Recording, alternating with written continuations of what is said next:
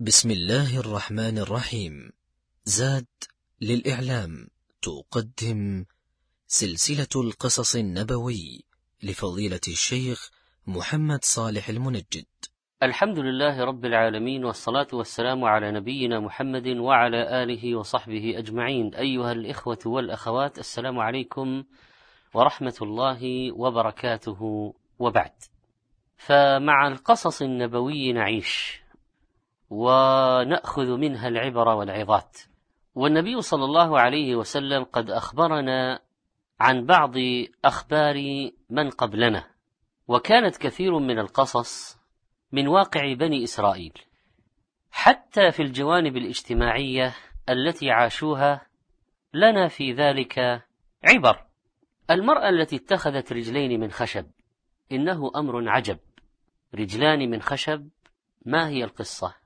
عن أبي سعيد الخدري أن رسول الله صلى الله عليه وسلم ذكر الدنيا فقال إن الدنيا خضرة حلوة فاتقوها واتقوا النساء. ثم ذكر نسوة ثلاثا من بني إسرائيل امرأتين طويلتين تعرفان وامرأة قصيرة لا تعرف. فاتخذت رجلين من خشب يعني نعلين من الخشب. فمرت بين المرأتين فلم يعرفوها وصاغت خاتما من ذهب مغلق مطبق يعني بالمطبق الذي داخله فارغ والمغلق الذي عليه غطاء محكم الإغلاق. فحشته من أطيب الطيب المسك وجعلت له غلقا فإذا مرت بالملأ أو بالمجلس قالت به ففتحته ففاح ريحه. الحديث رواه مسلم وفي هذا السياق زيادات عند ابن خزيمة وأحمد وهي في السلسلة الصحيحة. يعرض النبي صلى الله عليه وسلم لنا في هذه القصة جانبا من جوانب الفساد الاجتماعي والافتتان بزخارف الدنيا والاهتمام بالمظاهر من الإنفاق على الملابس والزينات التي تظهر للأجانب. فهذه المرأة من بني إسرائيل تملكها الشعور بالحسرة على قصر قامتها. ورأت في نفسها أنها أقل حظا في نيل إعجاب الرجال ولفت أنظارهم وكان الرجال من بني إسرائيل يرون الجمال في طول المرأة. فبدلا من أن ترضى هذه المرأة بقضاء الله وقدره فكرت في البحث عن طريقة لجذب أنظار الناس إليها حتى تفتق عقلها وأرشدها إبليس إلى حيلة تزيل ما تظنه هي عيبا فيها. فصنعت نعلين من خشب تلبسهما تحت الثياب ليزيد من قامتها طولا ويظهرها أمام الناس أنها طويلة. وهذا يشبه إلى حد ما الكعب العالي الموجود الآن. وأمام هذه الحيلة التي ابتكرتها تغير منظرها الخارجي فكانت تخرج بين المرأتين الطويلتين فلا يتعرف عليها الرجال ويظنونها امرأة غريبة عن الديار. وإمعانا في جذب الرجال إليها أيضا اتخذت خاتما من ذهب صنعته خصيصا فيه تجويف وله غطاء. لتملأ هذا الخاتم بالمسك القوي الرائحة وتذهب إلى مجامع الناس والرجال فتحرك يدها يمينا وشمالا تفتح الغلق ويفوح شذا العطر في أرجاء المكان ليسلب بعبقه ألباب الرجال وينال استحسانهم. مسألة الحرص على لفت أنظار الرجال وجذب الرجال للإعجاب بالفتاة أو بالمرأة حيلة إسرائيلية قديمة ومبدأ ومبدأ موجود في اليهود وانتقل منهم إلى غيرهم. ولكن ما دام نبينا صلى الله عليه وسلم حذرنا من الدنيا وحذرنا من فتنة النساء وقص علينا قصة المرأة هذه فلا بد لنا من عبر ولا بد لنا من موعظة. قدم النبي صلى الله عليه وسلم لهذه القصة بتحذيرنا من فتنة الدنيا. وهذه المرأة اغترت بفتنة الدنيا وزينتها. والمقصود بفتنة الدنيا كل ما ألهى عن الآخرة من متاع الأرض الزائل مما تميل إليه النفوس وتحبه. وقد أجمله الله في قوله عز وجل زين للناس حب الشهوات من النساء والبنين والقناطير المقنطرة من الذهب والفضة والخيل المسومة والأنعام والحرث ذلك متاع الحياة الدنيا والله عنده حسن المآب. وقال صلى الله عليه وسلم إن الدنيا خضرة حلوة فاتقوها. فشبه الرغبة في الدنيا والميل إليها وحرص النفوس عليها بالفاكهة الخضراء الحلوة المستلذة. فإن الأخضر مرغوب فيه على انفراده والحلو كذلك على انفراده. فكيف إذا اجتمع؟ وروى أبو سعيد الخدري رضي الله عنه أن رسول الله صلى الله عليه وسلم قام خطيبا. فكان فيما قال إن الدنيا حلوة خضرة وإن الله مستخلفكم فيها لينظر كيف تعملون فاتقوا الدنيا الحديث رواه مسلم. وقال عليه الصلاة والسلام أخوف ما أخاف عليكم ما يخرج الله لكم من زهرة الدنيا رواه مسلم. والنبي صلى الله عليه وسلم كان يخاف على أمته كثيرا من فتنة الدنيا. فيقول عقبة بن عامر رضي الله عنه صلى رسول الله صلى الله عليه وسلم على قتل أحد بعد ثمان سنين كالمودع للأحياء والأموات. ثم طلع المنبر فقال إني لست أخشى عليكم أن تشركوا بعدي. يعني هؤلاء الصحابة رباهم على عينه. لا أخشى عليهم من الشرك. ولكني أخشى عليكم الدنيا. أن تنافسوا فيها وتقتتلوا فتهلكوا كما هلك من كان قبلكم. قال فكانت آخر نظرة نظرتها إلى رسول الله صلى الله عليه وسلم. رواه البخاري ومسلم. ومن فوائد هذه القصة أيها الإخوة والأخوات تحذير الرجال من فتنة النساء وتحذير النساء من أن يفتتن بالرجال أو يفتن الرجال ويتفنن في طرق الغواية والإضلال. والإشفاق من خطر هذه الفتنة هو الذي أشغل بال النبي صلى الله عليه وسلم ولم يزل يحذر أمته منه. وقال واتقوا النساء يعني فتنة النساء. فإن أول فتنة بني إسرائيل كانت في النساء رواه مسلم. وقال عليه الصلاة والسلام ما تركت بعدي فتنة أضر على الرجال من النساء. رواه البخاري ومسلم. وبعض أعداء الدين يأخذ هذه النصوص ويقول الإسلام يظلم المرأة لماذا يحذر الرجال من المرأة؟ هل المرأة شيطان ونحو ذلك؟ وهؤلاء من غبائهم وجهلهم أو من مكرهم وخداعهم وتضليلهم يريدون أن يقولوا للناس إن الإسلام ظلم المرأة مع أن التحذير من النساء هنا ليس لأنهن شر لا ولكن من فتنة النساء ففتنة النساء شر وليس النساء شر.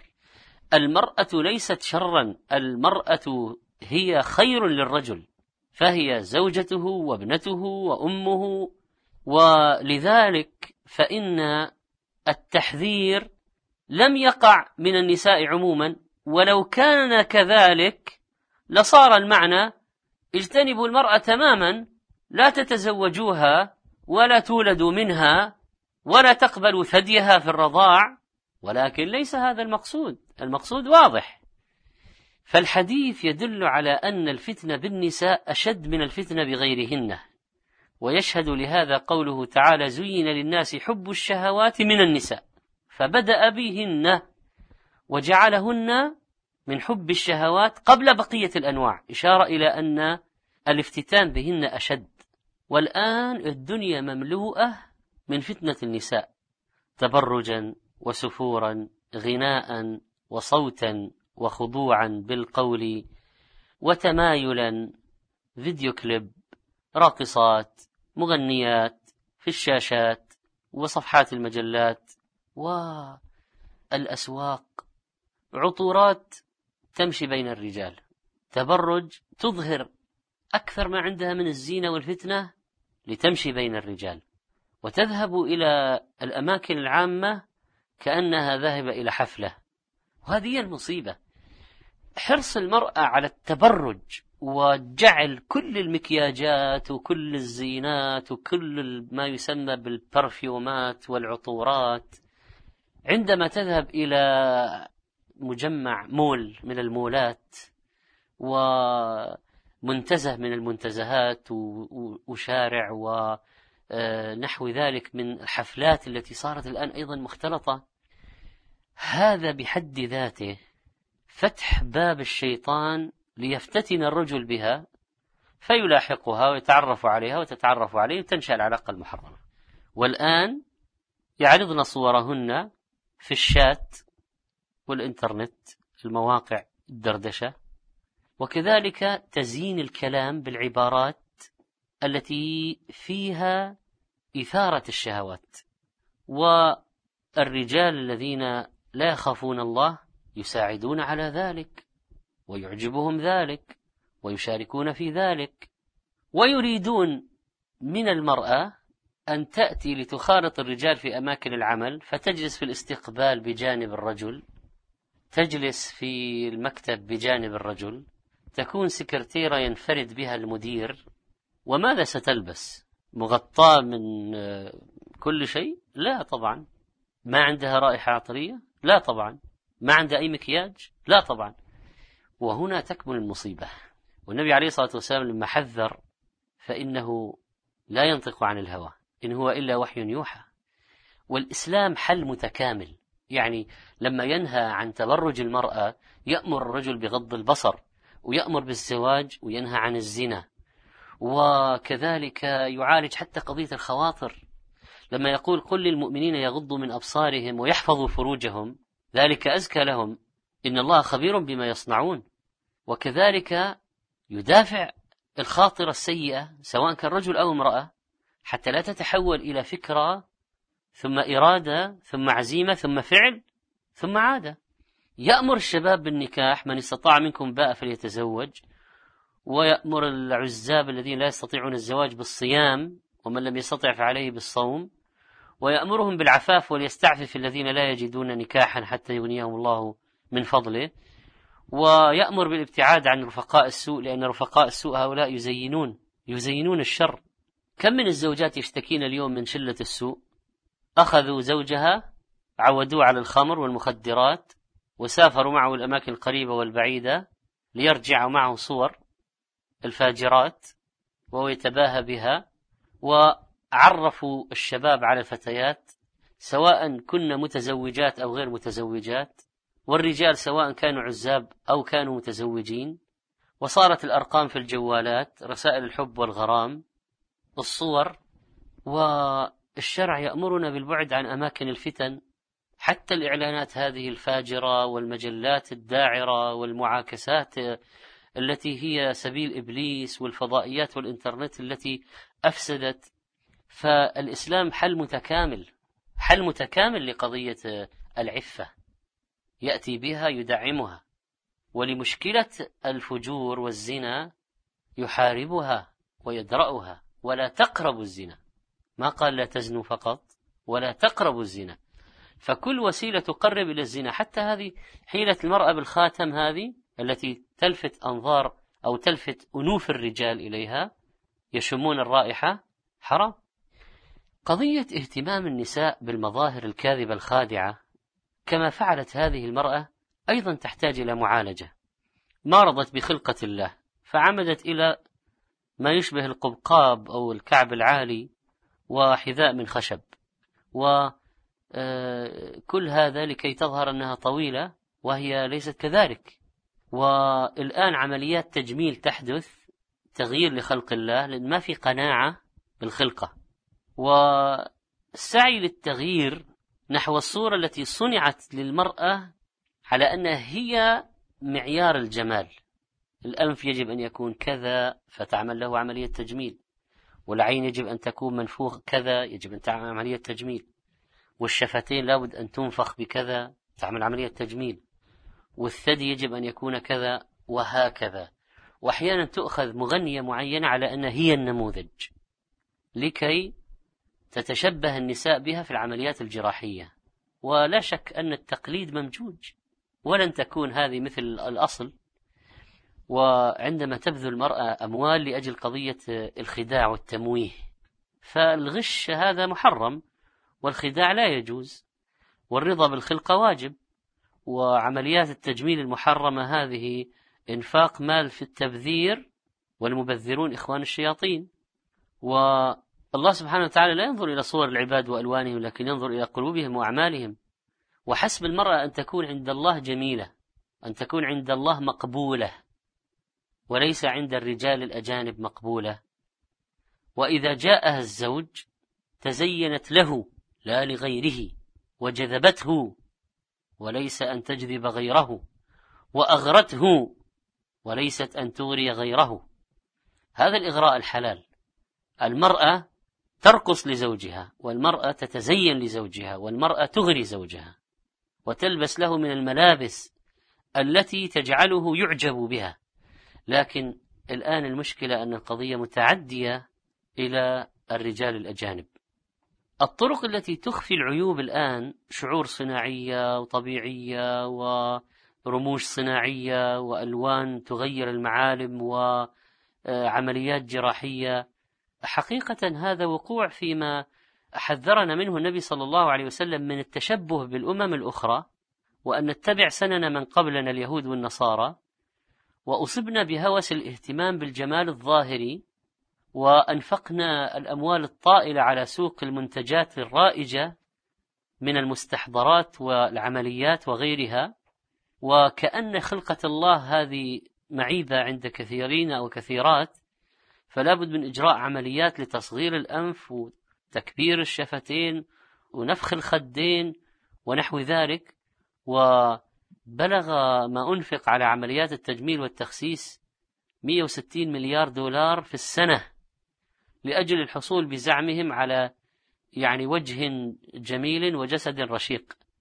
هناك أشياء مباحة مثلا الرياضة التي تنقص الوزن. الاستعمال لأنواع من الكحل مثلا الحناء الأصباغ الخفيفة الأشياء التي لا تدوم ليست مثل الوشم الذي يدوم لا يجوز. الأشياء التي ليس فيها خداع يتزين بها للزوج مثلا. ثم القضية الآن ليست شيئا عاديا لا في مبالغة واضحة. ونقلت إحدى الصحف العربية إحصائية أن الاهتمام بالأناقة والجمال صار يكلف الفتاة 60% من إجمالي مدخولها الشهري فهل هذا عقل؟ 60% من الدخل ينفق على هذه المظاهر لماذا؟ سعيا من هذه الفتاة للوصول إلى صورة الفيديو كليب التي تظهر في الأغاني أو الإعلانات التلفزيونية وقد بلغ هذا حدا من الجنون لا يوصف والصحف والقنوات تعج يوميا بدعايات وإعلانات براقة عن مراكز التجميل وعمليات آه، شفط وشد وتكبير وتصغير وإزالة وحذف ونفخ وتنسيم. زوجة أنفقت أكثر من عشر ألف دولار لتصبح كوكتيلا من بعض الفنانات وانتهت بالطلاق وأخرى تهدلت جفونها بسبب الرغبة في التشبه بفنانة معينة فعملت عمليات أدت إلى تهدل الجفن لأن كثير من العمليات فيها نسبة فشل. بل فيها أضرار أيضا. وثالثة لم يستطع أولادها التعرف عليها بعد نفخ وتكبير بعض المناطق من جسمها. ورابعة رفض موظف السجل المدني استخراج بطاقة هوية لها لاختلاف كبير بين شكلها وصورتها المقدمة على الورق. وأخرى أصيبت بتشوهات بعد عمليات شفط وكذلك عمليات ليزر فاشلة. وآلام في الجلد. وأخرى قامت بتصغير أنفها أكثر مما يحب الزوج فأصر على إعادة تكبير مرة ثانية. وهكذا المسألة لا تنتهي من آراء أمزجة وتقلب تتغير وتتقلب ولو كانت القضية مثلا إزالة عيب طارئ يعني مثلا حصل حرق مثلا حادث لكان ذلك جائزا لأن إزالة العيب الطارئ جائز. إزالة الشيء المؤذي كالإصبع الزائد مثلا جائز. تقويم الأسنان لأن هناك مثلا فراغات أحيانا تضايق في مضغ الطعام أو تتراكب الأسنان فوق بعض فتسبب آه، لها أذى من جهة النطق أحيانا. سخرية الناس مثلا بها يعني شيء غير عادي غير طبيعي. فعند ذلك إزالة الأذى جائز في الشريعة لكن هذا ما هو إزالة أذى ولا إزالة ضرر. هذا بحث عن مزيد من التجميل والتحسين. وقد قال إبليس ولأضلنهم ولأمنينهم ولا آمرنهم فلا يبتكن يقطعون. آذان الأنعام ولا آمرنهم فلا يغيرن خلق الله. ومن يتخذ الشيطان وليا من دون الله فقد خسر خسرانا مبينا. إذا الذي يحدث الآن تغيير لخلقة الله سبحانه وتعالى. طبعا هذا أسوأ من قصة المرأة من بني إسرائيل. المرأة بني إسرائيل كلها اتخذت حذاء من خشب. لكن هذا الآن تغيير أصلي. فإذا كان لبس الطويل هذا الحذاء الطويل الذي يرفع المرأة في أعين الرجال لا يجوز أن تخرج به أمامهم بالكعب الطويل هذا غير الأضرار الصحية التي فيه على العمود الفقري وإلى آخره والقدم والآلام ولفت الأنظار طبعا. لكن القضية الآن صارت لأبعاد سيئة جدا والنبي صلى الله عليه وسلم قال لعن الله الواشمات والمستوشمات والمتنمصات والمتفلجات للحسن التي تجعل الفروق بين أسنانها لتبدو الكبيرة صغيرة والمتفلجات للحسن المغيرات خلق الله. فإذا القضية قضية تغيير خلق الله أو تطلب الحسن مع العمليات والإجراءات. تطلب المزيد من ليس المقصود أن المرأة ما تتجمل لا. فلتتجمل. تضع ذهبا تضع حليا تضع أقراط تضع أساور تضع خواتم تضع بعض الأصباغ الخفيفة التي لا تضر الجلد وأيضا مؤقتة ليست من جنس الوشم الوشم الذي لا يذهب. لا. الأصباغ هذه معروفة إذا كانت غير ضارة لا بأس ما في مانع كحل مثلا وليس أمام الأجانب طبعا. لكن هذه الإجراءات التي تستخدم فيها الليزر والعميق والمشرط وعمليات يعني عمليات جراحية تغيير خلقة هذه ابتغاء مزيد من الجمال بزعمها. قال النووي رحمه الله وفيه إشارة إلى أن الحرام هو المفعول لطلب الحسن أما لو احتاجت إليه لعلاج أو إزالة عيب فلا بأس بذلك. والمسألة فيها جزء من قضية التسخط من خلقة الله والقدح في حكمته وعدم الرضا بقضائه وقدره. ولتعلم المرأة أن مهما كانت لا تخلو من جمال لأن الله عز وجل خلقه كله حسن. لكن هذا الحسن يتفاوت من شخص لآخر. والله قال لقد خلقنا الإنسان في أحسن تقويم وصوركم فأحسن صوركم. وقال عليه الصلاة والسلام إن كل خلق الله عز وجل حسن. فلذلك يعني الجمال شيء نسبي. وعند بعض الناس معايير ومقاييس لكن يجب أن نرجع إلى حديث انظروا إلى من أسفل منكم ولا تنظروا إلى من هو فوقكم فهو أجدر أن لا تزدروا نعمة الله عليكم. وأيضا الرضا بما قسم الله عز وجل وسترزق المرأة إذا اتقت ربها سبحانه وتعالى. ولتحذر المرأة أشد الحذر من قضية الخروج متطيبة لأن النبي صلى الله عليه وسلم قال أيما امرأة استعطرت فمرت على قوم ليجدوا من ريحها فهي زانية والعياذ بالله حديث صحيح. والزنا طبعا مراتب الزنا دركات. فإذا هذا التهييج للرجال بهذه العطورات وأي تصرف آخر لا يجوز حتى لو ذهبت المسجد. فكيف بغيره؟ نسأل الله أن يعصمنا من الفتن وأن يتوب علينا وأن يرزقنا الإخلاص والاستقامة.